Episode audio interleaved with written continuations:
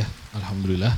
Atur nuhun Kang Angga, semoga ayat-ayat yang kita baca tadi bersama menambah keberkahan pertemuan kita, majelis kita di malam hari ini. Nah, mungkin sedikit review dulu dari bagian satu supaya bahasannya bisa bersambung dengan nanti apa yang disampaikan oleh Abah Hasan.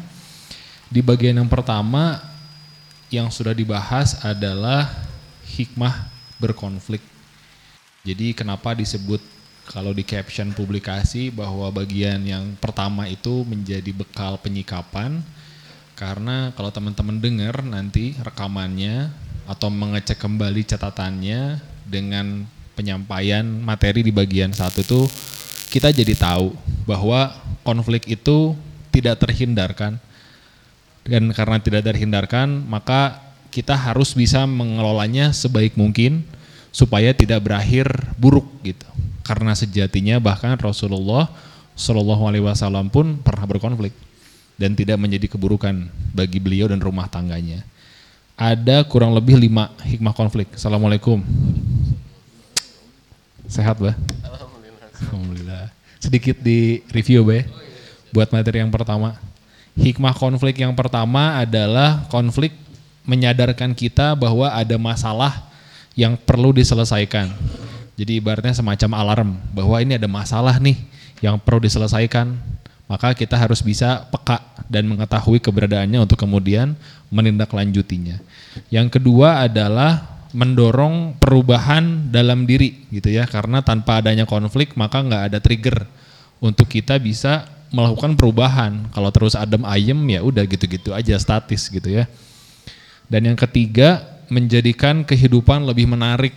Ibaratnya membaca cerita atau menyimak film gitu ya tanpa adanya konflik ya flat aja gitu ya. Maka itu pula hikmah keberadaan konflik dalam kehidupan kita berumah tangga bahwa konflik menjadikan perjalanan episode rumah tangga kita lebih seru dan dinamis. Asalkan kita bisa mengelolanya dengan baik. Yang keempat, dengan adanya konflik kita bisa mencapai keputusan yang lebih matang. Adanya gejolak, adanya pergulatan menjadi hikmah bahwa kita perlu mematangkan keputusan gitu ya. Kita jadi berdiskusi, kita mungkin jadi bermusyawarah sehingga bisa dihasilkan putusan yang lebih solid. Dan yang terakhir dengan adanya konflik harapannya hikmahnya itu adalah bisa mempererat hubungan antara satu sama lain gitu. Jadi tahu kurangnya apa, lebihnya apa, untuk waktu-waktu berikutnya apa yang perlu dijaga, disesuaikan, dipertahankan dan lain sebagainya. Itu teman-teman, itu bah ya. untuk bahasan kita bulan lalu di Masjid Asalam Dago. Sebulan lalu ya? Iya. Tentang hikmah konflik. Oh. Nah so. di malam hari ini, hmm. insya Allah kita akan membahas dua turunan besar mungkin ya bahasan tentang konflik. Yang pertama adalah sumber konfliknya, bah. Hal-hal apa sih yang biasanya tuh menjadi sumber permasalahan yeah. dan memicu konflik dalam rumah tangga. Oke. Okay. Dan yang kedua, supaya lebih lengkap, buat teman-teman bawa pulang bekal tentang mengelola konflik gimana sih Ngolahnya. cara kita gitu ya mengelola konflik supaya berakhir apik gitu iya oke okay. Mangga Lanjut. waktu dan tempat kami persilakan baik terima kasih Kang Satria ya yang selalu semangat ya dan eh, apa namanya membuka acara kita. Terima kasih teman-teman. Saya aturkan doa. Assalamualaikum warahmatullahi wabarakatuh. Alhamdulillah wa syukrulillah la haula wa la quwata illa billah asyhadu an la ilaha illallah wahdahu la syarikala wa asyhadu anna muhammadan abduhu wa rasuluhu alladzi la nabiyya wa la rasula ba'dah. Amma ba'du. Uh, mudah-mudahan ilmu kita bermanfaat ya. Allahumma inna nas'aluka ilman nafi'an wa rizqan thayyiban wa amalan mutaqabbalan. Ciri ilmu bermanfaat kata Imam Al-Ghazali ya makin tahu aib diri makin mengenal Allah makin sedikit keinginan dunia dan makin ngegas keinginan akhirat gitu ya dan mudah-mudahan walaupun yang kita bahas tentang ilmu rumah tangga tapi juga ini menjadi wasilah kita untuk makin dekat dengan Allah. Insyaallah. Ya, amin. Eh, tidak lupa sholawat serta salam kepada manusia terbaik. Ini juga malam terbaik ya, malam Jumat ya, malam berkah dan tidak lupa sholawat serta salam kepada manusia yang paling berkah ya, yaitu Nabi Muhammad Sallallahu Alaihi Wasallam. Teman-teman sekalian, ya kita niatkan belajar kita malam kali ini mudah-mudahan jadi wasilah nih. Ya Allah berikan pertolongan buat keluarga kita. Karena sehebat apa pun ilmu ilmu kita ya kalaupun tanpa pertolongan Allah nggak bisa apa-apa gitu ya. Dan secanggih apa pun eh, apa namanya itu sarana yang kita miliki kalau Allah nggak ridho hancur juga kan ya begitu jadi ya kita mulai ya. Kajian kita kali ini berawal dari ya harapan kita kepada ridho Allah. Karena kalau Allah sudah ridho ya sedikitnya jadi cukup banyaknya tidak melalaikan. Masya Allah. ya begitu. Ringannya tidak jadi jumawa sulitnya tidak merasa hina gitu ya. Allah alam bisawab nah teman-teman sekalian eh kita akan ngebahas tadi apa ya sumber konflik ya Sumber konflik dulu. Oh, sumber konflik ya. Nah, kenapa kita bahas ini? Karena supaya kita tahu lah dari mana kita bisa mengantisipasi ya, Hmm, betul bah. mendeteksi lebih dini ya. Sebelum apinya besar, nah mumpung masih kecil nih, ya kita kelola gitu ya. Betul. Karena sering sekali Kang Satria, eh saya panggilnya Mas atau Sat? sering sekali ya. Ah, jadi kadangkala kita nggak paham itu tuh ternyata sumber konflik itu dibiarin. Hmm, diantapkan we gitu ya sugante ya apa namanya eh bukan sumber konflik Iya, iya. tapi ternyata bisa jadi sumber konflik kalau nggak dikelola dengan baik gitu ya. Akhirnya apinya makin gede eh kalau udah gede ya makin sulit nih. Ya akhirnya membakar ke semua hal-hal lain gitu ya. Pa- padahal sebetulnya hanya api konfliknya atau percikannya cuman dikit aja kan gitu. Nah ini teh penting teman-teman. Itulah kenapa alasannya kita ngebahas tentang sumber konflik. Ya supaya kita paham dari mana nih sumber konfliknya ya dan bagaimana solusinya untuk menyikapi sumber-sumber konflik ini. Ya gimana cara kita ngolahnya gimana cara kita eh, menggunakannya begitu ya. Wallahu alam bisawab jadi kalau api pun kalau sudah besar ya kalau tidak terkendali akhirnya sulit juga tapi kalau dikendalikan ya insya Allah jangankan api kecil api gede kalau dikendalikan jadi bermanfaat kan Iya. Ya, makanya kita ketahui sumber konflik ini. Apa sih di antaranya, bah? Yang pertama adalah kurang lebih itu adalah yang pertama itu sumber konflik itu keegoan. Ego. Ya ego. Ego walaupun ego juga satu sisi juga penting ya. Betul. Ya karena kalau nggak ada ego juga akhirnya kita juga banyak menyakiti diri sendiri kan. Kemudian juga banyak dolim ke diri sendiri. Dan dampaknya kalau sudah dolim ke diri sendiri, nyakitin diri sendiri, akhirnya juga ngefeknya ke mana-mana.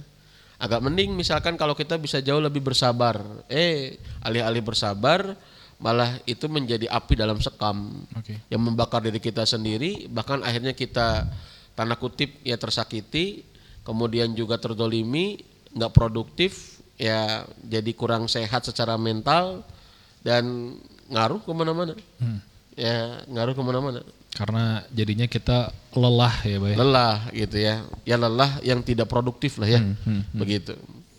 Jadi yang pertama adalah keegoan. Ya sifat tidak mau mengalah gitu. Atau memang bisa jadi kurang ego. Jadi ego itu penting juga. Lebih terlalu lebih buruk.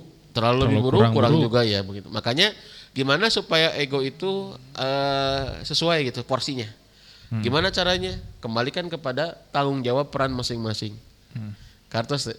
Iya. ya jadi Hak dan kewajiban hak gitu. dan kewajiban. Jadi ego itu penting. Makanya nanti kalau mendidik anak, men- mendidik keegoan anak itu penting. Ya, karena kalau nggak ego juga dia mudah terombang-ambing, mudah ke bawah arus, mudah melendoy, mudah dengdek, ya mudah ah, gitu ya. Jadi mudah dengdek gitu ya. Jadi ke bawah arus gitu. Jadi ego itu juga penting. Ya, tapi gimana tuh supaya eh, ego itu sesuai porsinya? supaya ego itu sesuai porsinya maka kembalikan kepada ya perannya masing-masing. Jadi peran saya di rumah tangga sebagai apa sih gitu? Iya. terus tanggung jawab saya sebagai apa sih gitu? Anda kurang ego misalkan begitu. Buktinya apa? Buktinya ya anda harus memutuskan tapi nggak mutus-mutusin kan gitu kan? Nggak memutuskan gitu kan? Kan itu hak anda kan? Itu kewajiban anda kan gitu anda berlebihan egonya jadi egoisme gitu kan Hmm, hmm. ya mau apa namanya jadi otoriter jadi Merasa ego- atau benar egoisme sendiri. gitu ya Karena menggunakan ego di luar tanggung jawab atau di luar perannya gitu. Hmm, hmm, hmm. Jadi kalau menurut saya ini ini sependek yang saya tahu ya, ego itu penting. Lalu gimana cara ngukurnya supaya tepat? Kembalikan kepada peran dan tanggung jawab di rumah tangga. Hmm. Ya, jadi tanggung jawab saya ya lain gitu maksudnya. Lamun tanggung jawab saya Lakukan. lakukan gitu. Kalau bukan tanggung jawab saya ya kurangi gitu. Hmm. Ya kan saya suatu saat pernah ngisi ya family coaching gitu ya sama bareng psikolog. Ya saya diomongin sama psikolognya itu. Jadi gini katanya bah, eh di, khususnya laki-laki katanya. ya. Ada yang kurang ego, ada yang Lebih ego. egonya berlebih gitu ya. Begitu. Ya, oh gitu ya saya bilang. Ya, lalu saya kita saya saya tanya ya dari pandangan psikolog, saya bilang harus mulai dari mana? Ya dia bilang harus mulai dari kesadaran. Hmm. Ya, sadar akan apa? Kan begitu. Ya, maka saya jawab sadar akan tentang tanggung jawab dan peran. Oke. Ya, tanggung jawab dan peran. Oke. Jadi nah, tapi kalau egonya berlebih akhirnya jadi konflik juga gitu. Ya, bahkan mungkin jadi bisa jadi egonya kurang jadi konflik juga kan gitu. Ya, jadi konflik juga. Makanya teman-teman sekalian, nah ini sumber yang pertama ya.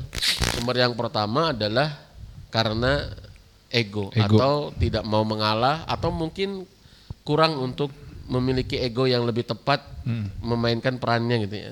Tidak mau mengalah atau bahkan terlalu sering mengalah. Terlalu sering mengalah. Iya. Itu juga kurang baik ya. Iya. Ya, begitu. Walau alam misal. Ya. Jadi yang pertama jenis sumber konflik adalah ego. ya. Yang kedua apa nih, Bah? Yang kedua mah saling menuntut sempurna. Hmm. Ya, saya kalau tanya ke Kang Satria, milih milih rumah tangga yang sempurna atau milih rumah tangga yang bahagia? Waduh, berat ya. Bahagia sih. Bahagia ya. Karena sempurna belum tentu bahagia. Dan Dan, syarat kebahagiaan itu adalah ya syarat kebahagiaan itu adalah ketidaksempurnaan. Hmm. Dan karena menuntut kesempurnaan juga melawan fitrah ya, ya? Iya, makanya makin tidak bahagia. Hmm, hmm. ya makanya ini juga sering terjadi ya makanya sering karena menuntut kesempurnaan gitu ya akhirnya ap- apalagi berawal dari membanding-bandingkan atau mimpi mungkin dulu sebelum nikah gitu ya Mm-mm. Atau lihat di media sosial, media sosial biasanya gitu kan. ya Wah iya, dia iya. kok Oke. gini, Oh, iya. itu beli suka ada ini. kasus kayak gitu ya Iya. Ya, aduh, oh kok dia mah anniversary teh keliling Eropa, kok kita cuman ke Pangalengan. Misalnya ya, kamu teh gimana sih jadi suami teh nggak bisa ngebahagiain aku, aduh. Iya bener ya, ini saling menuntut kesempurnaan ini bahaya nih. Ya, padahal suami juga bisa nuntut menyem- saling sempurna sama sebetulnya. Mau dari pihak suami, mau dia pihak dari istri. Maka menurut saya adalah bahagia itu kan bukan tentang takdir apa, tapi cara menyikapi takdirnya bagaimana kan begitu. Bukan tentang takdirnya apa, tapi cara menyikapi takdirnya bagaimana. Bukan tentang apa tapi bagaimana ya Bang. Nah, gitu. Bukan tentang apa, tapi tentang bagaimana. Hmm. Ya, begitu. Kalaupun ada hal-hal yang harus disampaikan, ya bukan berarti nggak boleh nuntut perbaikan dari pasangan, nggak juga. Nah itu tuh. Nggak juga, bukan berarti ah udahlah terima aja pasangan. Apa adanya. Apa ada apalagi misalkan mohon maaf ya pasangan berbuat maksiat misalkan biarin aja. Ya, ada contoh kasus, mohon maaf ya. Misalkan suaminya udah tahu tanda kutip ya jajan. Hmm. Ya. Sering sering apa namanya apa ya? Jajan seblak. Hidung belang ya? gitu ya. Ya laki-lakinya begitulah ya. Saya bingung juga ya, luar biasa itu. Ya tapi istrinya sudah tahu, tapi nggak berani ngonflikin karena khawatir ke anak-anak. Hmm. Waduh. Nah, masa kan kalau menurut saya nggak bisa dibiarkan begitu ya, nggak bisa dibiarkan kalau begitu. Makanya kenapa teman-teman ya kalau anda tahu, saya, saya kira dan itu pun kalau di kalau dijadiin konflik belum tentu juga istrinya diceraikan kan belum tentu juga kan, karena istrinya tuh nggak mau ngungkapin itu keburukan suaminya, ngingetin suaminya karena Iya iya iya. khawatir jadi konflik itu yang pertama, yang kedua khawatir konfliknya gede jadi bercerai, yang ketiga sudah bercerai nanti anak-anak sama Iya siapa? iya iya. Jadi ya udahlah terima aja. Udah terima aja tapi sakit hati. Hmm. Hmm. Ya terima aja tapi sakit hati. Saya bilang nggak bisa. Ya makanya kenapa teman-teman, eh teman-teman sekalian, Eh, suka dengar ini nggak ayat ini? A'udzubillahi minasyaitonirrajim wa may yatawakkal 'alallah eh wa may yattaqillaha yaj'al lahu makhraja. Pernah dengar ayat ini nggak? Wa may yattaqillaha yaj'al lahu makhraja wa yarzuqhu min haitsu la yahtasib. Pernah dengar ayat itu nggak? Barusan. Barang siapa yang bertakwa kepada Allah, kan gitu ya. Ya Allah kasih jalan keluar dan kemudian diberikan rezeki dari arah yang tidak diduga-duga. nggak disangka-sangka, gitu kan ya? Iya. Ayatnya. Itu teman-teman sering dipakai cari rezeki kan, cari nafkah ya. Padahal sebetulnya itu ayat itu dalam bab talak tuh. Ayat itu dalam surat At-Tolak itu, surat At-Tolak ayat 3 ayat 4 atau ayat 2 ayat 3. Itu surat At-Tolak tuh. Tolak. Sampai saya mikir, lah kenapa ini ada di- ada dalam bab talak ya? Coba dengerin artinya. Barang siapa yang apa namanya itu? Ya bertakwa kepada Allah, maka Allah kasih jalan keluar. Ya wa may yattaqillaha yaj'al lahu makhraja wa yarzuqhu min haitsu la yahtasib. Lalu diberikan rezeki dari arah yang Tidak disangka-sangka. sangka-sangka. Nah itu kenapa di surat At-Tolak tuh? Saya sampai waktu itu, nah kenapa ini ada surat At-Tolak ya? Kan kudama di surat, misalkan surat apa ya tentang rezeki gitu kan ya. Ini kan konteksnya dalam tentang talak ini. Itu potongan kalimat itu. Ternyata Imam Al-Qurtubi jawab, pas saya baca dalam tafsirnya, oh karena orang perempuan yang bercerai itu kadang-kala khawatir urusan rezeki gitu. Ya kalau saya nggak nikah sama dia atau kalau saya nggak bersuamikan dia, rezeki saya dari mana? Nah begitu. Hmm. Ya akhirnya ayat ini hadir gitu. Begitu. Ya maka kalau menuntut tidak menuntut kesempurnaan bukan berarti tidak saling mengingatkan ya teman-teman. Ya bukan berarti tidak saling mengingatkan. Saya kira itu salah juga. Tapi apa namanya itu awali saling mengingatkan itu berawal dari penerimaan itu ya penerimaan. Jadi penting banget menurut kami ya apa namanya itu tidak satu sisi tidak menuntut kesempurnaan, tapi sisi lain bukan berarti abai dengan kekurangan pasangan, baik urusan agama ataupun urusan dunia. Itu harus didasarkan pada apa tuh, Bah? Maksudnya? Kapan tuntutan itu tepat dan benar dan Ya. kapan tuntutan itu salah? Ya satu kalau sudah kaitannya dengan urusan agama.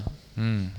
Ya kalau sudah urusan dengan agama ya haruslah. Masa suaminya nggak sholat nggak diingetin, masa istrinya abai nggak sholat nggak diingetin, ya kan bukan menuntut kesempurnaan kan, ya tapi apa namanya mengingatkan tentang ke- kewajiban, Hmm. gitu. Hmm. Hmm. Yang kedua adalah kapan sih kalau dikatakan menuntut itu baik, ya jadi kalau kita punya keinginan gitu ya, dan itu sesuatu hal yang wajar dan masih mungkin untuk dilakukan oleh pasangan, ya nggak jadi masalah. Apalagi pasangannya misalkan eh, dia nerima untuk bisa berubah misalkan begitu, Hmm. ya is oke nggak jadi masalah. Hmm. Jadi teman-teman sekalian, saya kira ini perlu dibincangkan. Gitu. Makanya nanti satu di antara solusi dalam menyikapi konflik itu adalah diskusi, ngobrol, Hmm. ya begitu. Jadi sah-sah saja ya. Jadi bukan berarti ya kalau kita nggak nuntut sempurna itu berarti abai dengan kekurangan pasangan baik urusan agama ataupun urusan dunia. Oke. Enggak ya, Oke. begitu. Tapi ya apa namanya jangan berharap ya bisa sempurna. Makanya kata Nabi la yafruk mu'minun mu'minatan in kariha minha khuluqan radiya minha akhar. Janganlah seorang laki-laki mukmin atau suami mencela mukminah, istrinya perempuan. Jika dia melihat satu keburukan di ahlaknya, dia bisa jadi ridho di ahlaknya yang lain. Hmm. Itu kata Nabi. Jadi janganlah seorang suami mencela istrinya karena bisa jadi jika dia melihat satu keburukan ya benci kepada satu keburukan istrinya, dia bisa jadi ridho ya di satu sifat istrinya yang lain. Hmm. Gitu. Oh, itu luar biasa sih. Wah itu luar biasa itu, itu kaidah itu, kaidah nabawiyah. Terutama kelapangan dada ya. Oh iya, Untuk tidak buru-buru menghakimi, untuk tidak buru-buru menghakimi, kemudian apalagi bersabar mencela, gitu ya. gitu, Ah, nanti juga ada bersabar kebaikan. untuk senantiasa bertumbuh, Mm-mm. nggak lelah untuk nggak berhenti berproses gitu. Hmm, luar biasa, masya Allah. Ya, saya pernah ditanya di umum, ditanya Abah katanya, aku baru nikah tiga bulan. Hmm. Tapi kenapa yang selalu ngingetin teh aku saja? Saya sampai-sampai saya putus harapan. Ini istri atau suami, Bah? Ini perempuan. Oh, istri. Ya, seorang istri. Sampai-sampai saya putus harapan. Udahlah, kalau begitu mah nggak usah ngingetin, biarin aja. Hmm, hmm. Ya, apa namanya? Karena bertepuk sebelah tangan. Iya, iya, iya. iya. Bertepuk sebelah tangan, istrinya suka ngingetin, istrinya ingin perubahan, tapi suaminya enggak. Hare-hare gitu. ya. Hare-hare ya. Do you know the hare-hare? ya, di Sulawesi ya hare-hare teh. Oh, pare-pare itu mah ya. ya, teman-teman sekalian. Saya bilang jangan, jangan putus asa. Ya, tapi suka kecewa, Bah. Saya bilang yang harus dilakukan adalah turunkan ekspektasinya. Nah, Kalau misalkan yang Anda harapkan itu asalnya 10 dari suami atau dari pasangan kita, mungkin kita terlalu kecewa tuh. Karena kecewa itu adalah ya selisih atau titik atau ruang antara titik harapan dengan kenyataan kan begitu. betul. Ya, makanya saya bilang eh, turunkan harapannya, jangan berhenti berharap. Terus aja. Mungkin asalnya ada lima sifat dari pasangan kita yang harus kita rubah. Mungkin tuh tilu hela, dua hela, hiji hela gitu. Kenapa? Karena kalau selesai berhenti berharap, itulah yang membuat kita abai dengan pasangan dan siap-siaplah akan semakin hambar dalam rumah tangga. Ya, kalau sudah abai. Ya, jadi jangan abai, teman-teman sekalian. Ya, jangan abai. Siap. Berarti yang kedua, sumber konflik adalah menuntut kesempurnaan. Nonton kesempurnaan. Sampai kan ada seorang istri yang bangun mimpi ya, pas bangun dia nangis. Suaminya ikut kaget kan. Kenapa sayang? Ya, dia bilang aku mimpi. Mimpi kenapa? Ketemu laki-laki katanya. Dia kaya, ganteng, baik hati. Ya, kemudian juga apa namanya itu badannya sehat katanya nggak apa-apa kata suaminya kan cuman mimpi kata istrinya justru itulah kenapa di mimpi nggak kenyataan katanya. ya kata suaminya aku juga sedih sayang untuk mimpi seperti kamu saja aku nggak bisa katanya gitu ya.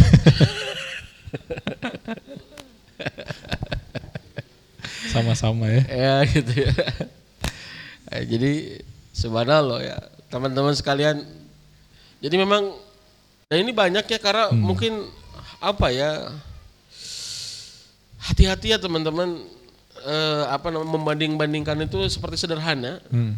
Maksudnya membandingkan ke yang lebih ya Hmm. tapi itu justru mengurangi kesyukuran kita gitu ya. Betul. mengurangi kesyukuran kita kalau penyakit darah tinggi atau hipertensi tiba-tiba enggak Enggak. enggak kan pasti ada Sebab pola hidup Yang yang, salah. menjadi pemicunya kan Betul, yang melahirkan betul. itu kan Hmm. sama ya jadi apa namanya eh, kenapa dia tidak konaah kenapa dia selalu memba, apa kenapa dia menjadi tidak senang dengan pasangan? Kenapa jadi menuntut kesempurnaan? Karena ada pola hidup yang salah. membuat kesyukuran itu makin hilang gitu. Hmm. ya. Dan ini relate sama bahasan di bulan lalu bah di bagian satu. Apa tuh? Itu loh bah yang tentang pasangan hmm? yang tidak pernah bersyukur itu loh bah. oh iya. Maksudnya seberapapun kuat salah satu dari kedua belah pihak Oh, iya. perbaiki diri oh, iya tidak akan pernah cukup ketika pasangannya tidak pernah bersyukur atas Betul. perubahannya gitu. Itu kan relate sama pembahasan menuntut kesempurnaan gitu ya. Ya, makanya ya apa antum pernah bilang gratitude is Great attitude. Gratitude is a great attitude. oh iya gitu, gitu. itu mohon direkam ya nanti itu yang dipotong jadi bukan saya itu yang dipotong. Satria ya gratitude is A great great attitude. great Great At- attitude. attitude. Ya benar. Subhanallah. Jadi kebersyukuran itu memang, nah itu yang menurut saya harus dilatih. Sederhana sih. Sederhana tapi ngefeknya ke mana-mana gitu ya. Subhanallah teman-teman sekalian. Nah ini saling menuntut kesempurnaan. Ya begitu. Konon katanya kan siapa tuh? Yang tokoh filosof itu? Yang disuruh ngambil bunga oleh gurunya. Hmm. Apa di kisah-kisah di kisah-kisah anak senja ini masyhur nih. Kan kita sudah jadi anak suruh kan jadi jadi lupa ya. Katanya kan seorang filas, filosof itu kan sama gurunya disuruh ambil bunga yang terbaik katanya di kebun ini. Hmm. Dia kan ngambil ah bukan yang ini terus, bukan yang ini. nggak boleh kembali lagi kan. oh bukan yang ini bukan yang ini ternyata sampai hampir habis kebunnya dia nggak nemuin. Dan dia kecewa gitu ya akhirnya. Ya karena mencari kesempurnaan Siap. begitu. Itu cerita siapa sih? Aristoteles atau apa gitu ya. Ya begitu. Ya begitu. Saya baca juga baca dari anak-anak senja lah begitu. Anak maghrib gitu ya. Kan kita mah sudah jadi anak suruk ya. Jadi lupa gitu ya cerita-cerita anak senja tuh ya. nah. teman-teman sekalian ya kayak begitu. Itu yang Kedua. Kedua ya ya jadi saling menuntut kesempurnaan. Jadi yang ketiga adalah karena kondisi emosional. Hmm. kondisi emosi lah. Kondisi emosi ini beragam teman-teman sekalian. Beragam. Jadi intinya adalah emosinya nggak sehat gitu. Ya emosinya nggak sehat. Jadi nggak bisa ngelola emosi dengan baik gitu. Ya kalau kita salah seorang eh, psikolog misalkan bilang ya misalkan lima dasar eh, sifat emosi manusia misalkan. Jijik takut sedih marah senang misalkan. nah itu teh nggak dikelola dengan baik gitu. Ya sehingga kadang-kala jadi mudah cemburu kan. Jadi jadi nggak percaya nggak ada trust ke pasangan gitu. Dan itu saya ngalamin saya ngalamin. Saya maksudnya ngalamin didatangin oleh orang yang menurut saya wah ini udah berlebihan. Ya, jadi cemburunya itu berlebihan gitu. Udah nggak logis lagi gitu. Bahkan ketika suaminya nawarin masalah ya udah tuh yuk kita nggak usah tinggal di sini. Ya ya misalkan tinggal bareng ibunya gitu ya bareng ibunya bareng adiknya gitu ya. Kemudian adiknya punya anak gitu ya. Nah, kemudian karena sebelum nikah juga sudah ngurus ya bareng ngurus anak adiknya gitu ya.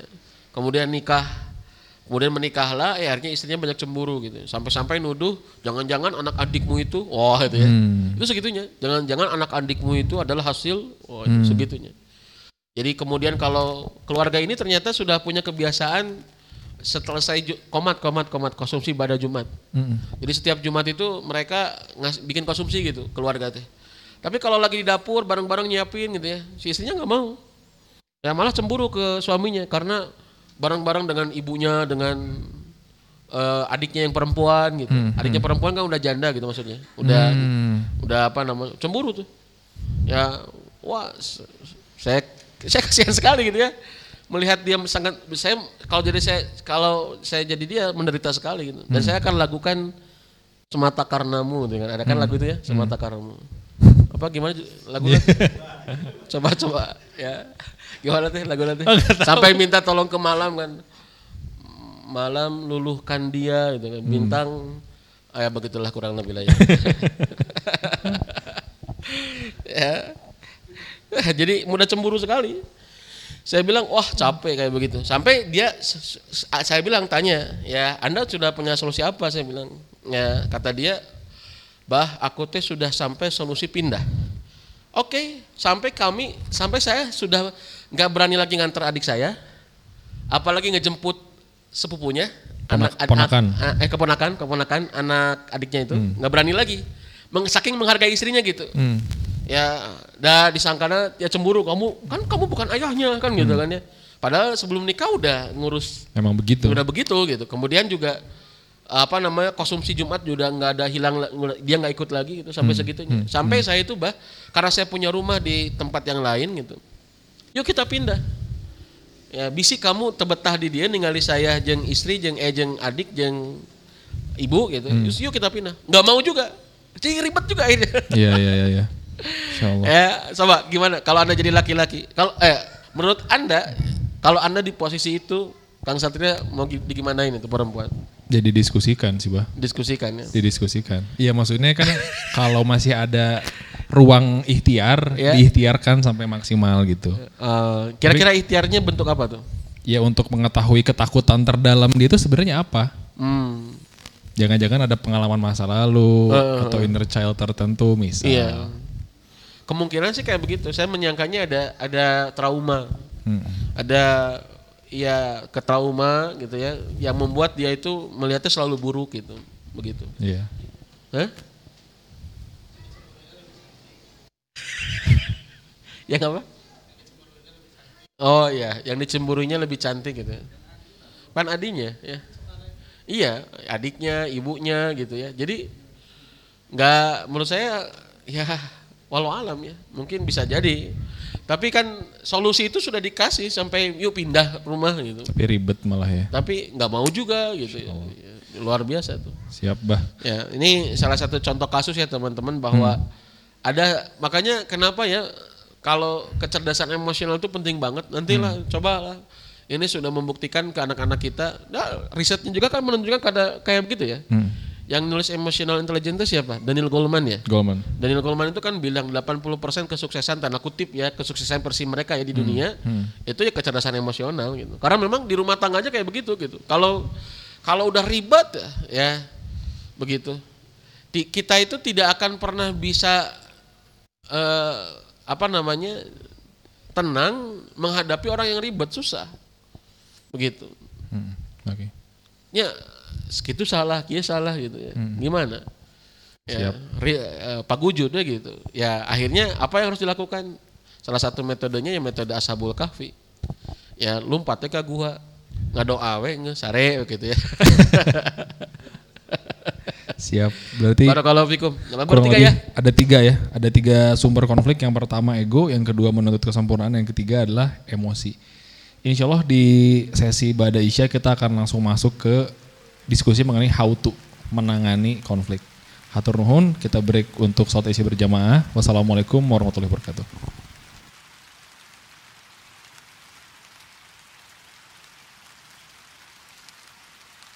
Masih sama Abah Hasan Faruqi tentang apik mengelola konflik di bagian yang kedua. Jadi di sesi pada maghrib tadi kita sudah membahas mengenai jenis-jenis sumber konflik yang kurang lebih ada tiga. Yang pertama tentang ego. Kuncinya ada pada aspek mencukupkan porsi ya, porsi ego yang pas, lalu mengenali tanggung jawab dan peran. Yang kedua, sumber konfliknya adalah menuntut kesempurnaan. Yang ketiga adalah emosi. Nah, ini jadi sumber-sumber yang kita layak waspadai gitu ya untuk menjadi potensi konflik. Nanti di eh, beberapa waktu berikutnya insya Allah kita akan membahas teknis how to karena waktunya kelihatannya bah sekitar 30 menit. Mungkin nanti kita bisa langsung masuk ke pembahasan mengenai model penyelesaian dari konflik supaya bukan penyelesaian mungkin ya model pengelolaan supaya konflik itu bisa dikelola secara apik. Dan sebelum masuk ke sesi diskusi lagi bersama Abah, diingatkan kembali bagi teman-teman yang ingin bertanya eh, teknisnya seperti yang lalu-lalu. Jadi silahkan buka eh, Instagram Vitamins. Nanti ada highlight yang paling kiri, diklik. Nanti ada link Google Form, ketik di situ pertanyaannya. Nanti insya Allah akan dibacakan di sesi tanya jawab sekitar 20-30 untuk jadi bahan diskusi bersama. Jadi teknis pertanyaannya buka akun Instagram at Vitamins, klik highlight yang paling kiri, lalu silahkan diketikkan di Google Form tersebut pertanyaannya. Itu yang pertama, yang kedua nanti eh, teman-teman panitia akan membantu me- mengedarkan kotak infak gitu ya. Mangga bagi teman-teman yang ingin berkontribusi dalam langkah kecil untuk menyebarluaskan kebaikan. Bah, insya Allah kita masuk nih bah ke bahasan berikutnya. Bahasan berikutnya ya. Gimana bah kalau kita masuk ke Iya, model pengelolaannya? oke. Model pengelolaannya. Tapi ada dua hal tadi yang masih tersisa. Gimana tuh bah? Bisi mau nangtungnya. Penasaran gitu ya. Siap. Jadi teman-teman tadi kalau sudah tiga ya, sudah tiga tentang sumber konflik ya. Ada dua lagi lah kurang lebih. Yang pertama adalah tentang eh, apa namanya kondisi anak ya. Kondisi anak. Kondisi anak juga itu bisa jadi konflik juga tuh ya. Apakah karena abai ataupun karena terlalu cinta? Hmm. ya karena abai karena nggak peduli kurang peduli lah ke anak atau mungkin atas nama cinta anak akhirnya juga berlebihan bahkan sering sekali juga bisa saling tuduh gitu ya nah kamu nggak peduli ke anak gitu kamu nggak sayang ke anak gitu. Padahal suaminya tiap hari cari nafkah, hasil nafkahnya juga dipakai buat anaknya. Tapi gara-gara ada satu mungkin ya apa namanya itu eh, ada satu amalan atau ada satu pekerjaan yang mungkin pada waktu itu tidak tertunaikan untuk anak, ah, jadi meremet ke mana-mana gitu ya. Nah ini penting teman-teman, penting banget ya. Oleh karena itu inilah eh, yang harus kita kelola yaitu sumber masalah selanjutnya itu adalah anak ya, anak. Ya makanya harus diilmui, harus diilmui. Dan yang ke terakhir mungkin ya, dan ini yang saya nggak tahu nih, mohon maaf ya, karena terbatas juga teman-teman di lapangan juga nggak tahu apakah banyak ya itu mitos puber Hmm.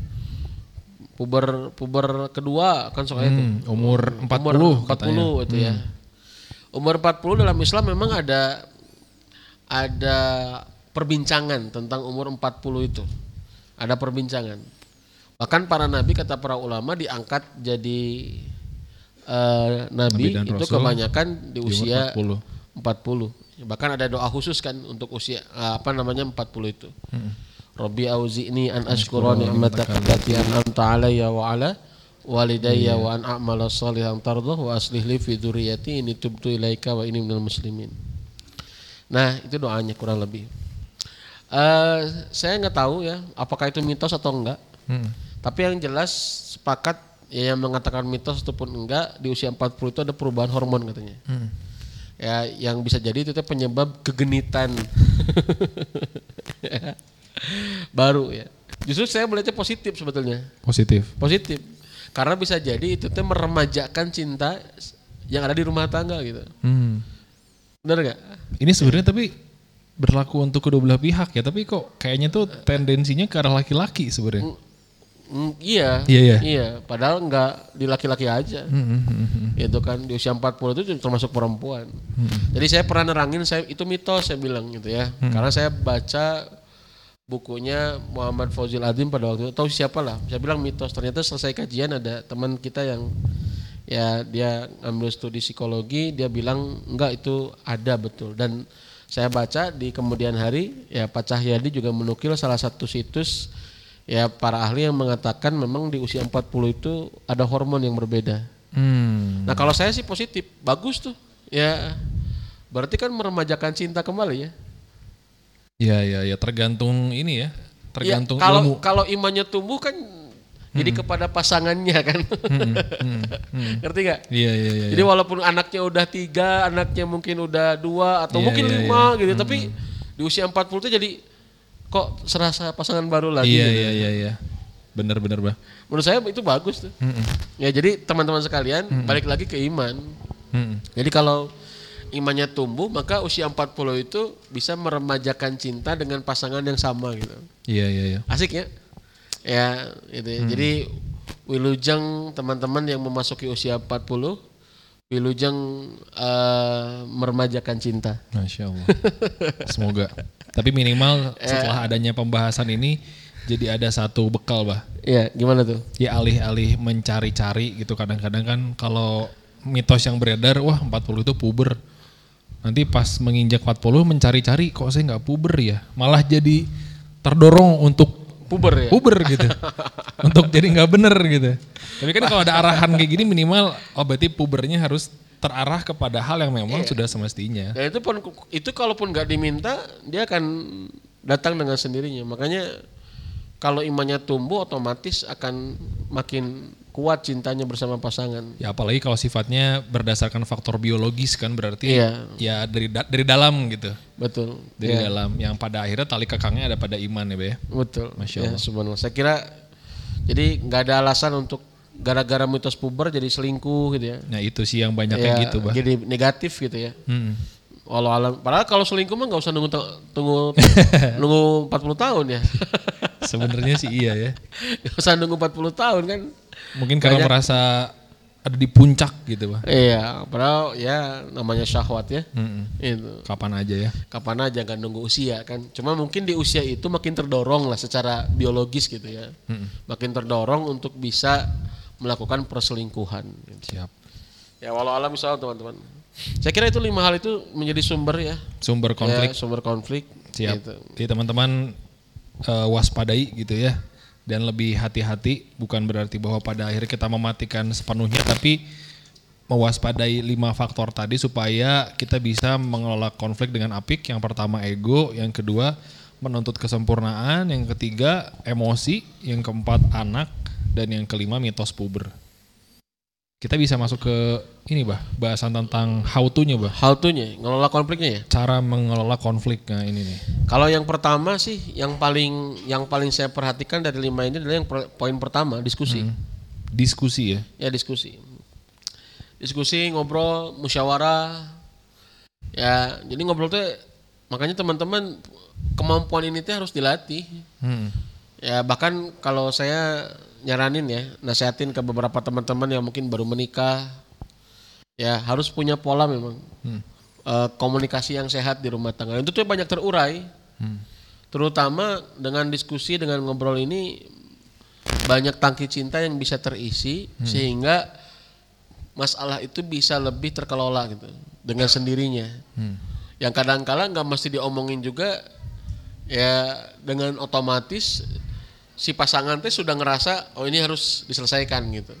Iya iya. ya iya, karena karena sudah punya ikatan emosi lah yang kuat gitu maksudnya teh. Jadi kalaupun ada tadi menyikapi ada lima lima ada lima sumber konflik tadi gitu, iya. dia mungkin bisa lebih inisiatif ya mengelola tanpa harus menunggu respon dari pasangan karena sudah terbiasa membangun attachment, membangun kelekatan, ikatan emosi yang kuat dengan pasangan. Hmm. Jadi kalaupun ada masalah diskusikan gitu. Dan kalau berbeda itu jangan tabu juga teman-teman karena ada yang kalau beda teh sok tabu gitu ya. Kenapa sih pendapat kita teh nggak pernah sama selalu beda gitu ya. Ya lamun sama mah ya gimana ya enggak. Jadi jangan tabu kalau berbeda tuh gitu. Karena ada jangan tabu untuk bisa silang pendapat. Ya begitu. Yang penting adabnya dijaga saja. Dan itu harus dibiasakan. Harus dibia harus terbiasa karena kita pasti akan menemui pada setiap fasenya itu dinamika yang berbeda. Hmm. Ya potensi konflik yang berbeda. Contoh anak lah. Anak tadi kan sumber anak ya. Hmm. Salah satu anak satu usia 2 tahun, tiga tahun itu beda. Beda. Anak satu usia 10 tahun, 14 tahun itu beda. Itu kalau anaknya satu. Anaknya dua, beda usia, Hmm. beda kebutuhan. Nah, itu makin dinamikanya makin rumit lagi gitu. Maka teman-teman sekalian, tapi dengan diskusi ya itu bisa lebih mudah terurai. Jadi kudu kudu ayah ketemu pola ngobrol, pola diskusi ya yang betul-betul oh masalahnya ada kesepakatan gitu. Ya jangan lari dari masalah gitu, hadapi, kelola gitu. Bisa dipahami ya? Iya. Begitu. Makanya dalam Islam kenapa musyawarah itu menjadi salah satu faktor penting. Kan satu di antara pilar untuk mencapai tujuan pernikahan itu kan ada tiga. Ada pilar ubudiyah, ada pilar ta'awun, ada pilar musyawarah. Jadi kalau tujuan pernikahan itu pingin kecapai teman-teman, tujuan pernikahan itu pingin kecapai, ya itu pun kalau sudah punya tujuannya ya. ya pertanyaannya Anda punya tujuan nggak gitu. Jadi kalau tujuan pernikahan itu ingin tercapai, Anda harus punya tiga pilar atau tiga prinsip. Ya tiga prinsip, bukan tiga pilar, tiga prinsip. Prinsip ubudiyah, prinsip ta'awun, prinsip musyawarah. Musyawarah. Nah, prinsip musyawarah ini sederhana. Makanya dalam keterangan disebutkan mana dima idat tasyawara. Nggak menyesal orang yang bermusyawarah. Ya begitu. Jadi tidak akan menyesal orang yang bermusyawarah. Makanya wasyawirhum fil amri kan begitu Allah sampaikan kan. Auzubillahi minasyaitonirrajim wasyawirhum fil amri. Fa idza azamta fatawakkal 'ala Allah. Biasakan musyawarah. Apalagi itu hal-hal yang berat. Teman-teman sekalian, jangan tabu untuk bermusyawarah. Jangan khawatir untuk mengungkapkan pendapat. Walaupun memang nanti kadang-kadang oh kalau gini nggak enak ya. Kalau oh kalau mulainya kayak gini nggak enak ya. Oh kalau mulainya gini ya. Jadi akhirnya kita ketemu pola oh kalau ngobrol dengan pasangan teh polanya kayak begini. Ya dan itu tidak mudah teman-teman. Kenapa? Nggak mudah karena satu tipe kepribadian jelas berbeda, fitrah laki-laki perempuan berbeda, ya kemudian juga hasil dari pola pendidikan, pola Waduh. asuh yang berbeda. Jadi Berlapis-lapis. luar biasa lapis-lapis banget gitu. Jadi ya sabar. Ya makanya kenapa Nabi bilang faliyatakillaha finis bil akhir itu. Jadi kalaulah nikah itu setengah agama, kata Nabi bertakwalah di setengah sisanya. Ya, jadi untuk menjalani pernikahan itu yang paling utama adalah Takwa. ketakwaan. Itu, ya. Dan salah satu wujud ketakwaan yang paling eh, apa namanya menonjol, salah satu sifat takwa itu adalah asobru, sabar. Waduh luar Ya biasa. sabar menapaki itu sampai kita ketemu karena nikah itu ya karena kita komitmen untuk mencintai dia gitu Hmm, seumur hidup. seumur hidup gitu. Dan kalau nggak pakai takwa, ya mudah pudar. mudah-mudahan Karena fisik ada perubahannya gitu ya. Jelas. Perasaan ada surutnya. ah, gitu ya Ikhtiar untuk komunikasi tadi mem- membenahi satu hal aja.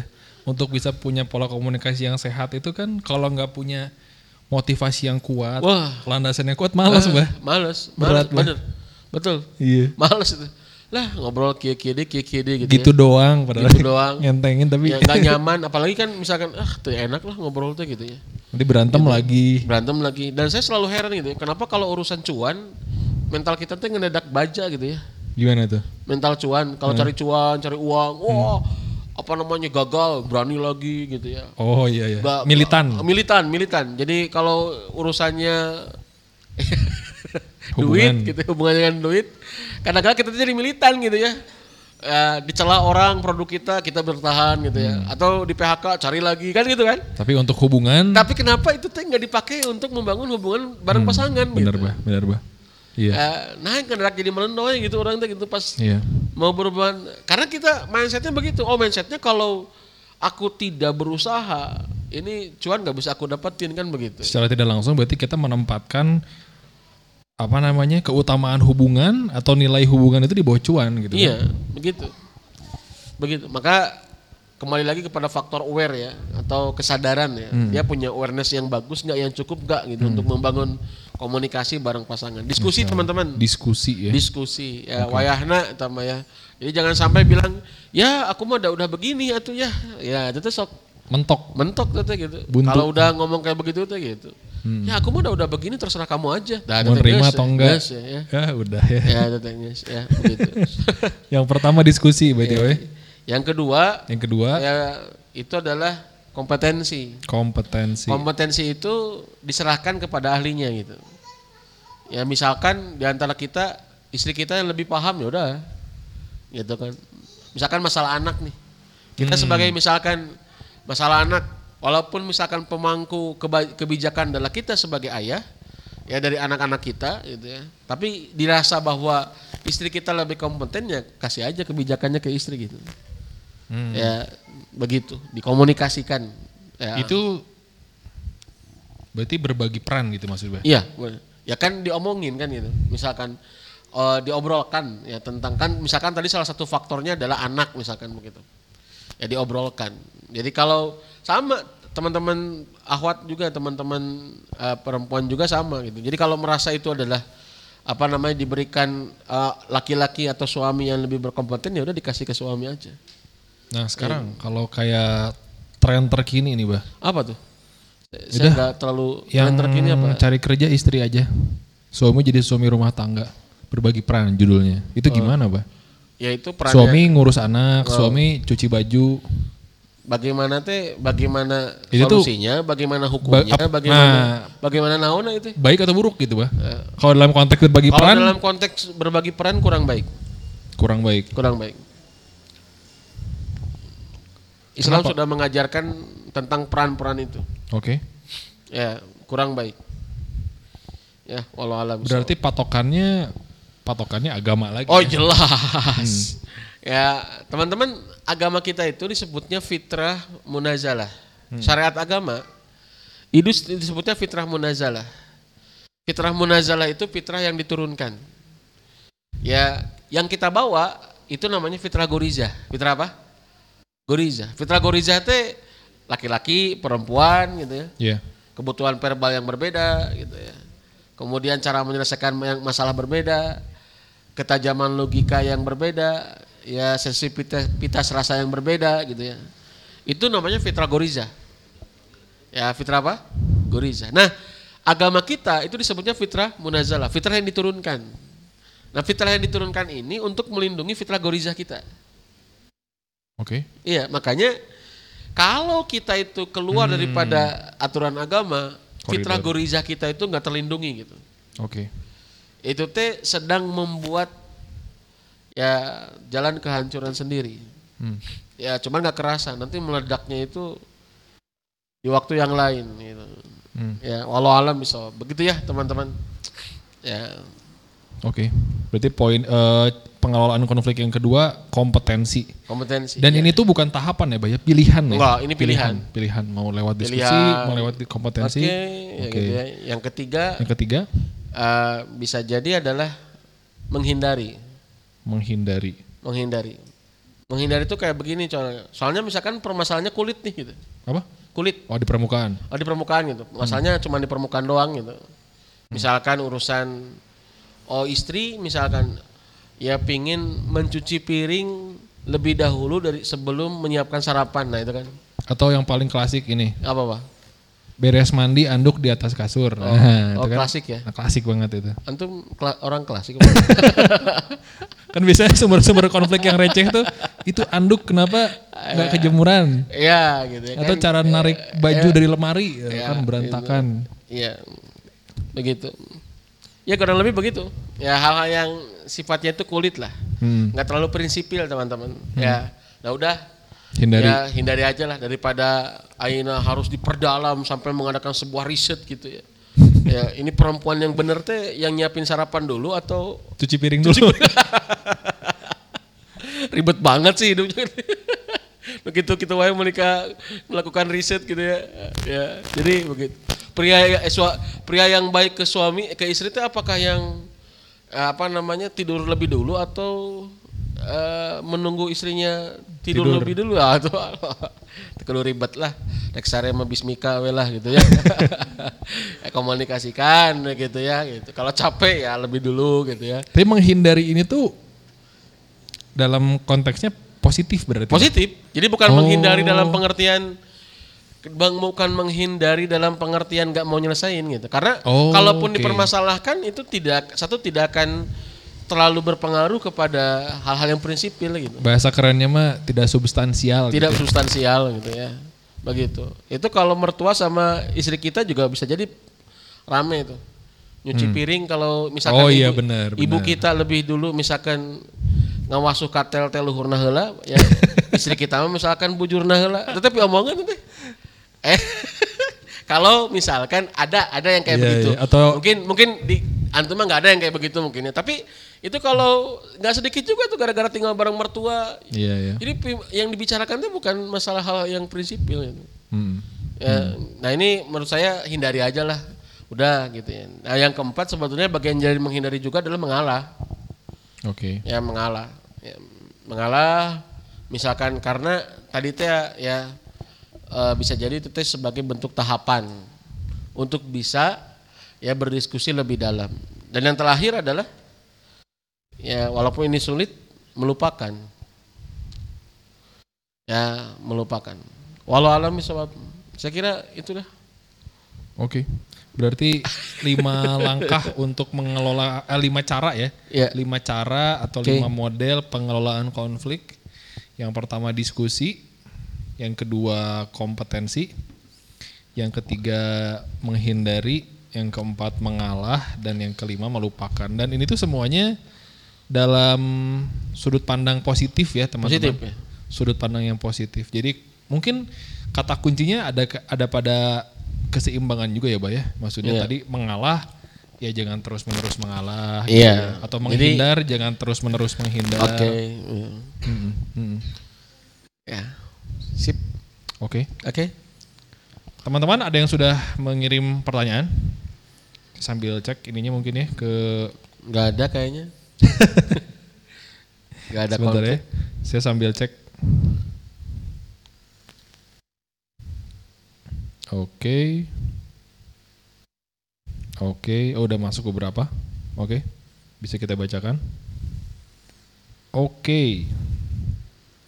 Kita masuk ke sesi tanya jawab. Pertanyaan pertama mungkin, Bah, kita bisa mulai, Bah. Iya. Saat mau bertanya, istri kurang baik dalam mengelola emosi. Bawaannya ingin cerai terus, setiap emosi meluap. Namun ketika reda emosi namun besoknya ketika reda oh normal kembali. Oke. Normal kembali. Eh, Emosi meletup-letup ini cukup melelahkan ketika saya sedang dapat tekanan kerjaan. eh. Kalau titik penyebabnya kemungkinan dari keinginan hidup yang lebih mapan. Hmm. Sedangkan saya masih berikhtiar. Hmm. Bagaimana baiknya Stat? Kadang saya berpikir juga memang takutnya nggak jodoh. Waduh. Gimana Tat? Takutnya nggak jodoh. Eh gimana? Gimana bah? Ya ketakutannya dihilangkan dulu ya. Kan masih berjodoh kan. Masih berjodoh. Jadi buang jauh-jauh asumsi Takutnya nggak berjodoh. takutnya nggak gitu. berjodoh. Ya kita lihat aja besok-besoknya gimana gitu maksudnya. Hmm. Oke. Istri selalu minta cerai. Ya, gampang atau cerai kan menikahi setting lah. Enggak juga ya teman-teman. Ya, nah gimana tuh? Ya Oh sebenarnya yang minta cerai bukan bukan istrinya Tat. Eh, bah yang eh, istrinya tuh sering emosi.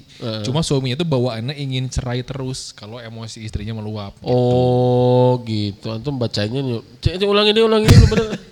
Bahaya itu tuh. Istri kurang baik dalam mengelola urusan emosi. cerai, ya. Istri kurang baik dalam mengelola emosi, Ya. ya kan?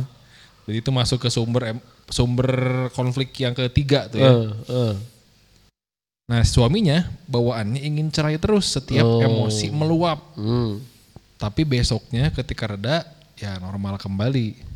Emosi meletup ini cukup melelahkan ketika saya sedang banyak pekerjaan. Iya. Nah, kalau titik penyebabnya kemungkinan menurut dia itu keinginan hidup yang lebih mapan Hmm. sehingga memantik emosi. Kalau Sementara suaminya masih berikhtiar gitu. ya kalau menurut saya asumsi itu dihilangkan dulu coba. Asumsi bahwa misalkan walaupun tuh kemungkinan besar ya. Hmm. Ya, misalkan bahwa oh istrinya kelihatannya mungkin inginnya lebih mapan. Itu kan baru asumsi dia kan. Hmm. Ya, atau misalkan si istrinya sudah terbiasa hidup lebih mapan sedangkan dengan kita misalkan sedang berikhtiar. Hmm. Kalau menurut saya itulah pentingnya manajemen energi ya gitu teh. Hmm. Hmm. Ya, ini ini saya bingung nih cari pandang laki-laki itu cara pandang perempuan ya Gimana solusinya. tuh? Ya itu mau cara pandang laki-laki itu cara pandang perempuan ya. Laki-laki kayaknya. Laki-laki, Yang bertanya laki-laki. laki-laki. Ya, mungkin juga kan ya, ya makanya Hmm. karena kita laki-laki lah Karena ya. laki-laki. Dan kelihatannya yang yang bertanyanya bawa-bawa nama istri berarti suami. Oh iya iya iya iya. iya. Enggak yang nanya itu orang lain. Waduh, jadi rumit ya. Yang nanya itu orang lain bukan dia. Nitip. Iya dia gitu. Siap. Jadi ada seorang suami kan bilangnya gitu kan, berarti bukan dia kan. Bisa jadi yang nanya ahwat kan. Siap. Jadi gimana nih? ya. Jadi kalau cara pandang laki-laki menurut saya, ini kalau cara pandang laki-laki ya. Hmm. Jadi kondisi pasangan kita itu, kondisi emosinya seperti apa itu tanggung jawab kita. Oke. Tanggung jawab kita bagaimana cara kita untuk membimbing pasangan kita untuk lebih stabil emosinya. Oke. Tanggung jawab kita. Kalau menurut saya mah bongan saja di lelaki gitu. Ya tanggung jawab kita. Ya apa bedanya dengan nafkah kan? Sama aja. Jadi tanggung jawab kita gimana kita caranya untuk bisa mengolah emosi istri kita. Waduh, itu luar biasa sih. Hah? Ibaratnya kan ngelola biasa-biasa emosi sendiri aja tuh masih menantang gitu. Oh iya. Apalagi mengelola Oh emosi iya. pasangan ya. Betul. Ya, Hmm. begitu. Bahkan masalah sederhana jadi rumit ya Betul. kepada orang yang pagujud emosinya. Betul. Betul nggak? Betul. Sederhana masalahnya. Kan di pada ke orang anu rumit emosinya. Wah, pagujud teh. Hmm. Itu. Nah, teman-teman sekalian, satu itu tadi tanggung jawab kita. Wayahna ya bagaimana kita jadi asbab kebaikan untuk istri kita. Hmm. Yang kedua, ya atur energi kita untuk di rumah. Oke. Ya begitu. Atur energi kita untuk di rumah. Jadi jangan sampai tenaga sisa. Oke. Yang ketiga, kondisi emosi istri itu adalah indikasi tentang kualitas hubungan kita. Hmm. Ya, se tanda kutip se biasanya kondisi emosi istri itu adalah Cerminan. cerminan Indikator. indikator tentang kualitas hubungan kita, hubungan emosi kita dengan dia gitu. Hmm. Begitu. Ya, Hmm. Walau makanya harus ada pola, bukan ada pola, harus ada upaya bagaimana ya bisa membersamai istri kita untuk bisa lebih stabil mengendalikan emosinya. Hmm. Datanya kalau di parenting ya, Hmm. 30% depresi anak dipengaruhi oleh komunikasi ibu kepada anak. 30% pemicu depresi anak diakibatkan oleh pola komunikasi ibu, Ibu, kepada terhadap anak. Dan komunikasi ibu kepada anak Dipengaruhi oleh dipengaruhi oleh pola komunikasi suami kepada istri. Waduh. ya walaupun sebagiannya karena faktor kepribadian dan pola asuh di rumah tangga istri tersebut. Luar biasa sih, Wah. Ini- Itu datanya. Makanya menurut saya sudah teman-teman sekalian kalau cara pandang kita laki-laki kita berupaya aja. Iya, iya. Gimana kita mendampingi pasangan kita untuk bisa lebih mengelola emosi mereka. Dan ini jadi satu ini ya. Jangan jadi satu ketakutan atau beban tapi ya tantangan.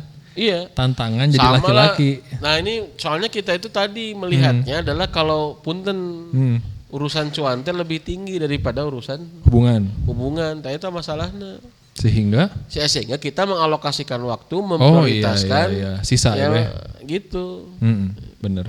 Padahal kalau kita lihatnya, oh prioritas ya, Hmm. gitu kan. Utamakan. Oh, iya, iya utama ya, gitu. Hmm.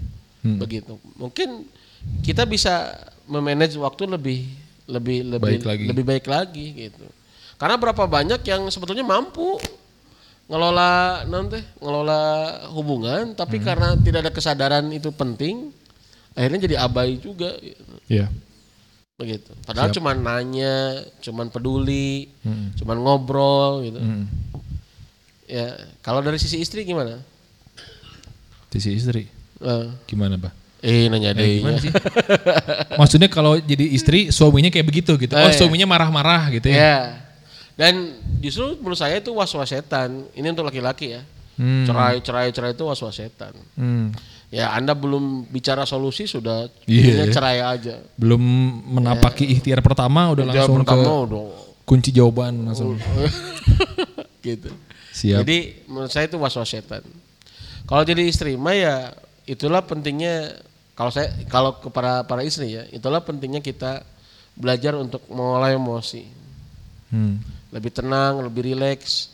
Memang panjang sih. Jadi saya tuh bingung itu pembahasan mengolah emosi teh panjang gitu. Iya, betul betul. Jadi bingung saya teh nek nerangkeun panjang tapi dua menit kan hese teh gitu ya. Sok.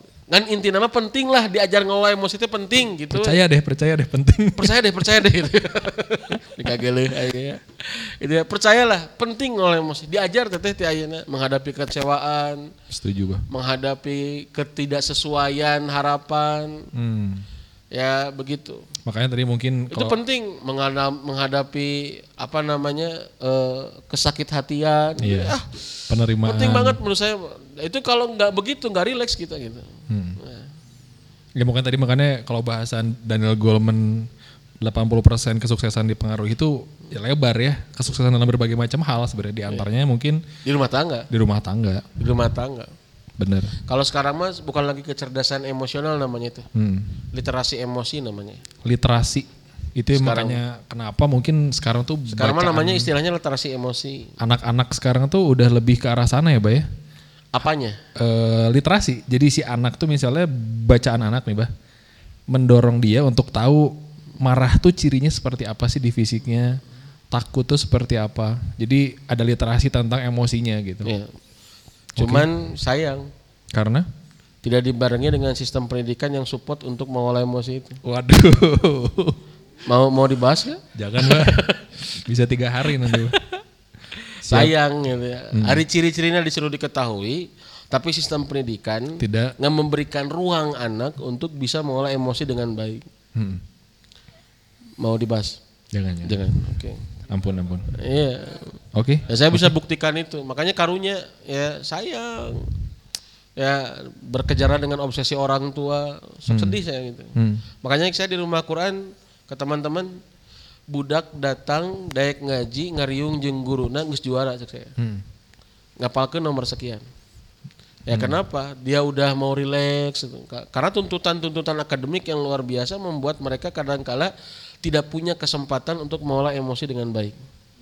Itu baru tuntutan akademik, belum tuntutan obsesi. belum tuntutan obsesi orang tua, belum tuntutan lingkungan kan Lingkungan. kadang ngeliat temannya wah kasihan Luar biasa. ya Masalah udah bahas parenting Nah, cukup, lah. cukup, Bah. Ah, Cukup, bisa- bisa panjang.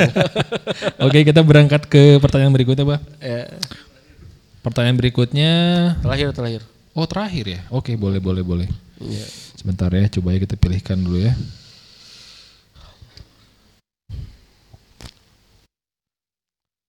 Nah, Oke, ini sebenarnya pertanyaan ada yang ditanyakan tapi eh, sudah terjawab ya. Jadi ada pertanyaan untuk pasangan yang mau menikah, pondasi ilmu atau praktek apa yang harus dipersiapkan? Mengingat banyak sekali pasangan muda yang mau menikah, menik, menikah. Oke, nah itu berarti jawabannya tadi salah satu hal yang layak diprioritaskan adalah bagaimana mengelola emosi atau bahasanya tadi literasi emosi. Karena dulu nggak sepopuler ini gitu ya. Dan apalagi kalau kalau mau menikah gitu ya dulu beberapa tahun yang lalu sebelum saya menikah nggak ada tuh. Kamu mau menikah? Ayo kuasailah bagaimana cara mengelola emosi. Nggak ada sih. Karena di kepala tuh kamu nikah wah siapkan nanti harus mencari uang dan sebagainya. Mengelola emosi mah nggak ada babnya Nomor gitu. sekian, nomor sekian apalah gitu. Padahal ya tadi seolah-olah tuh pernikahan tuh isinya keuangan saja padahal hubungan. Ngeri, ngeri, ngeri, ngeri, ngeri. dua manusia gitu Nah, dan itu nggak salah manusianya sebetulnya. Tapi sistem pendidikan kita Waduh. yang melahirkan Bah, bah ampun bah. Eh, eh, serius? Iya, iya, siap, siap. Sistem pendidikan, bah. dan itu yang paling parah, sistem pendidikan yang seperti itu teh diadopsi oleh Kita. lembaga-lembaga pendidikan Islam. Nah, itu masalahnya. Waduh. Hari ini tema-tema menjadi suami yang baik itu nggak lebih keren daripada tema-tema profesi tertentu. Iya benar, benar, Eh. benar, benar. Setuju. Tak sok karunya sok itu tahan ya, tahan, tahan. Cepat, cepat Inggris. Cepat. ya Inggris gak gedur itu kali. eh, kalau ngebahas itu gitu. Siap, siap, siap. Iya, siap. makanya kalau kita mau runut gitunya, da kadang kala mah da sok ya kan ya Saya mengenal istilah servo mechanism. Apa? Servo mechanism. Oke. Tapi bukan dari Mardigu ya, walaupun belakangan saya baca Mardigu Oke. ngebahas servo mechanism. Saya itu baca istilah itu waktu di apa namanya di di waktu training di Yogyakarta waktu itu. Coach kami Katolik waktu itu. Dia bilang servo mechanism itu 10 tahun pertama. Jadi 10 tahun pertama ya itu akan membentuk kepribadian selanjutnya. Dalam hubungan apa pun itu Dalam hubungan tangga sih. Oke, 10 tahun pertama. Saya ingat kenapa Nabi bilang anak belum sholat itu 10 tahun dipukul kan. Nabi kan bilang angka 10 kan. Iya. Ya fadribuhum wa huwa asyru sana. Kalau nggak sholat usia 10 pukul. gitu. Hmm. Jadi pendidikan anak usia dini ini penting. Oke. Ya makanya Robbik Firli wali walidaya warhamhuma Kama kama Robbayani Sogiro atau kabiro? Sogiro. Sogiro. Ya Allah, kasihanilah kedua orang tuaku, ampunilah aku, kasihanilah kedua orang tuaku. Ya dan sayangilah mereka sebagaimana mereka Menyayangi. bukan menyayangiku. Eh. Robbayani sebagaimana mereka mendidikku di waktu kecil. Oh, robaya nih ya. Iya. Mendidik ya. Tapi di kita mah diartikannya Menyayangi. menyayangi. Hmm. Mendidiknya di waktu kecil. Jadi penting. Kenapa? Sebab mak- makanya saya suka kasihan ke anak-anak remaja gitu ya. Aduh ya Allah. Terus lah udah udah dibahas panjang. Panjang kali lebar. ya. panjang. Mohon Siap. maaf ya teman-teman. Iya, iya, iya. Karena memang ya seharian saya kayak begini gitu ya. Ngobrol bab anak lah gitu. Iya, iya. Iya. Oke. Jadi memang kalau nggak pakai tazkiyatun nafs untuk rumah tangga itu, makanya kalau saya selalu bilang pahamilah pasangan kita, dia produk dia produk apa ya pola asuh gitu ya pendidikan yang, duh subhanallah. Makanya memang kayaknya harus punya materi khusus deh, Gimana tuh? healing sebelum menikah, Hmm. ya healing before wedding misalkan, Healing before wedding. Hmm. Asik. Healing sebelum wedding. atau sebelum marriage ya, Hmm. begitu. Oke. Ini selalu di pikiran Ayeuna. Cukup, cukup, cukup. Harus mengenal kata cukup. Ya, Cukup, cukup. Siap. KWD gitu ya. Oke. Ini ada satu pertanyaan terakhir mungkin ya, Pak. ya? Eh, Sugante biar terakhir teh. Eh, udah tuh enggak nih? Oh, Terakhir, tera- tadi Terakhir terakhir, pisan. ini terakhir pisan. oh. Terakhir pisan ini mah. Ini, aduh. Yang mana nomor tujuh? Nomor tujuh aja ya. Oke, nomor tujuh. Ada ini. gitu? Ada nomornya nih, Pak. Pertanyaan dari Ahwat Kalau saya, ini istri ya, menemukan chat atau jejak digital suami dengan mantan Aduh, iya. di masa lalu sebelum menikah dengan saya Ah, hingga membuat perasaan saya sedih, marah, gemetar. ah. Apa yang harus saya lakukan? Padahal saya tahu itu sudah masa lalu. Mohon arahannya Ustadz. Beres, eh. Seket. ya teman-teman sekalian, kalau saya sih setiap kita itu punya masa lalu ya. Bagaimana supaya kita bisa lebih ap- jadi gimana ya? Nya lima lima ayana begitu, indikasinya seperti apa sekarang gitu. Ya begitu aja. Dan setiap kita kan punya masa lalu kan gitu. Nah, Kalau misalkan suami Anda tidak ada indikasi lagi misalkan untuk melakukan hubungan apa ya yang yang seperti dulu misalkan ya ya udah maafkan aja begitu karena ya setiap kita punya masa lalu ya. Hmm. begitu. Jadi ya, ya atau saya tidak kuma kar- bisa jadi itu teh adalah ujian cinta gitu. Untuk tidak bisa memberikan trust kepada pasangan. Perlu dikonfirmasi dan dis- didiskusikan nggak, Bah? kalau menurut saya bijak bi- bijaknya sih enggak ya. Kalau misalkan itu teh tidak mempengaruhi kepada sikap dia hari ini misalnya Hmm. Toh suami saya masih baik. Kemudian juga misalkan suami teteh misalkan masih melakukan kewajibannya, masih bisa menjaga misalkan. Kan itu masa lalu kan. Hmm. Ya. Gimana? Ya kalau manggil Ketuker gitu. Oh, kalau manggil istri salah nama ya ketuker dari nama mantan gitu ya. Nah, Terlalu itu ya, ya, terlalu. Itu masalah itu Terlalu. ya. Itu ya. Itu ya. Oh, mungkin nggak kejadian kayak begitu? Mungkin ya. Iya sama cerita masa lalu lah, informasi masa lalu sama menurut saya. Hmm. Atau saya il at- atau bah atau bah Al-Furqan ayat 70 itu kan ilaman taba wa amana wa amila solihan faulaika yubadilullahu sayyiatihim hasanat. Hmm. Kecuali orang yang bertobat ya dia beriman, beramal soleh, Allah gantikan keburukan itu dengan kebaikan. Hmm. Ya begitu. Begitulah. Siap. Jadi kalau Allah saja menggantikan keburukan dengan kebaikan, kenapa kita tidak jauh lebih memaafkan? Hmm. Ya. Siap. Jadi saya nukil ya teman-teman. Kenapa kita harus memaafkan? Hei. Kenapa kita harus memaafkan? Bukan karena kita ya kalau kata ya bukan karena bukan karena kita tidak mampu membalas keburukan pasangan, tapi karena keburukan pasangan itu tidak layak ada diingat-ingat dalam hati kita. Jadi akhirnya kita harus maafkan gitu. Hmm. Tidak layak Ya, ya. Tidak layak, tidak layak diingat gitu. Hmm. Jadi maafkan saja. Insya Allah. Wa ma zadallahu bi afwin ila izan. Tidaklah Allah menambahkan orang yang memaafkan kecuali kemuliaan. Begitu. Tos we. Ya, walau alam bisa. Walaupun nggak mudah, nggak mudah. Ya dari awal juga sebenarnya kita ngobrol nggak ada yang mudah semua sih. Ya. oh gitu. iya pak. Ya, itu saya Sebenarnya emang ada yang lu, mudah. lu paling berat mah eta. Lu paling berat. Soalnya Iya, begitulah. itu lu paling berat eta mantan. S- s- Itu paling berat gitu. Iya, ya iya. paling berat teh soalnya kan punya ada hubungan khusus kan yang sama dengan kita kan itu teh Iya ya.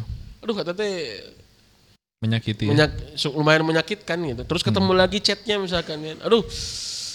Saya ngebayangkan anak gitu ya. Wah. Gak salah gitu ya. ya ngebayanginnya gitu ya. Siap. Siap. Yang itu teh seharusnya kata-kata itu teh ke kita gitu, bukan ke Waduh, dia. waduh, siap siap. Sok Siap. tuh. Siap. siap salah. Yang seharusnya sikap seperti itu ke kita, bukan ke dia. gitu. Iya iya iya. Dan ternyata dia sudah memberikan sikap seperti itu ya ke orang lain sebelum ke kita. Waduh. Wah, tuh kan cek orangnya berat. ya, ada es Iya, itu iya, betul. ya. ya. Bahan bahan bahan overthinking. Oke. Itu berat gitu, nggak mudah mantan. Makanya ya banyakin istighfar aja dah. Siap. Tuh ya. Siap. Ka Allah yang membolak-balikan hati ya, gitu Iya. ya. Atos, ya. bukan mendramatisir, cuman heuh, kabayang sih gitu gitu. Ya. Hmm. Oke, Bah. Tos ya, cekap lah. menghela nafas. Ya, mudah-mudahan Allah mudahkan. Amin. Ya, karena kita nggak mampu tanpa Allah. Ya, sering-sering mendekatkan diri kepada Allah. Wa alafa baina qulubihim law anfaqta ma fil ardi jami'an ma alafta bainahum. Dan Allah lah yang menyatukan hati di antara mereka. Kalaulah kamu menginfakkan seluruh dunia dan seisinya, Hmm. tetap kamu tidak bisa menyatukan hati di antara mereka. Hmm. Walakin Allah allafa bainahum. Akan tetapi Allah lah Yang menyatukan. yang menyatukan hati-hati mereka. Masya Allah. Begitu teman-teman. Ya, jika Allah mampu menghilangkan ya keburukan apa namanya yang ada di muka bumi ini, jika Allah mampu menghilangkan malam dengan siang, ya menghilangkan gelap dengan cahaya matahari, ah, tidak mungkin Allah tidak mampu menghilangkan keburukan-keburukan kita yang diganti dengan kebaikan. Jadi Allah mampulah insya Allah. Barakallahu fikum. Terima kasih teman-teman. Mohon maaf atas segala kekurangan. Ya, uh sudah setengah sembilan lebih. Iya. Subhanaka rabbil izzati amma yasifun wa salamun alal mursalin walhamdulillahi rabbil alamin. Assalamualaikum warahmatullahi wabarakatuh. Waalaikumsalam warahmatullahi wabarakatuh. Jazakallah khair, Bah. Jadi tadi di awal kita membahas mengenai jenis-jenis atau sumber konflik dan di akhir kita membahas mengenai model atau cara pengelolaan konflik yang ada lima, diskusi, kompetensi, menghindari, mengalah dan melupakan. Dan tadi mungkin suatu hari nanti mungkin bisa dibahas juga pilar pernikahan ada tiga, ubudiyah, ta'awun dan musyawarah. Semoga dengan dua bagian dari pembahasan apik mengelola konflik, kita punya satu bekal untuk menghadapi konflik dalam rumah tangga yang merupakan sebuah keniscayaan. Pasti terjadi karena pada dasarnya kita dan pasangan adalah dua manusia yang jelas-jelas berbeda.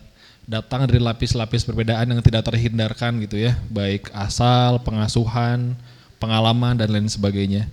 Jadi semoga apa yang kita lalui dalam rumah tangga itu senantiasa berbuah kebaikan. Betapapun mungkin di pandangan kita hari ini tampaknya jelek, tampaknya buruk.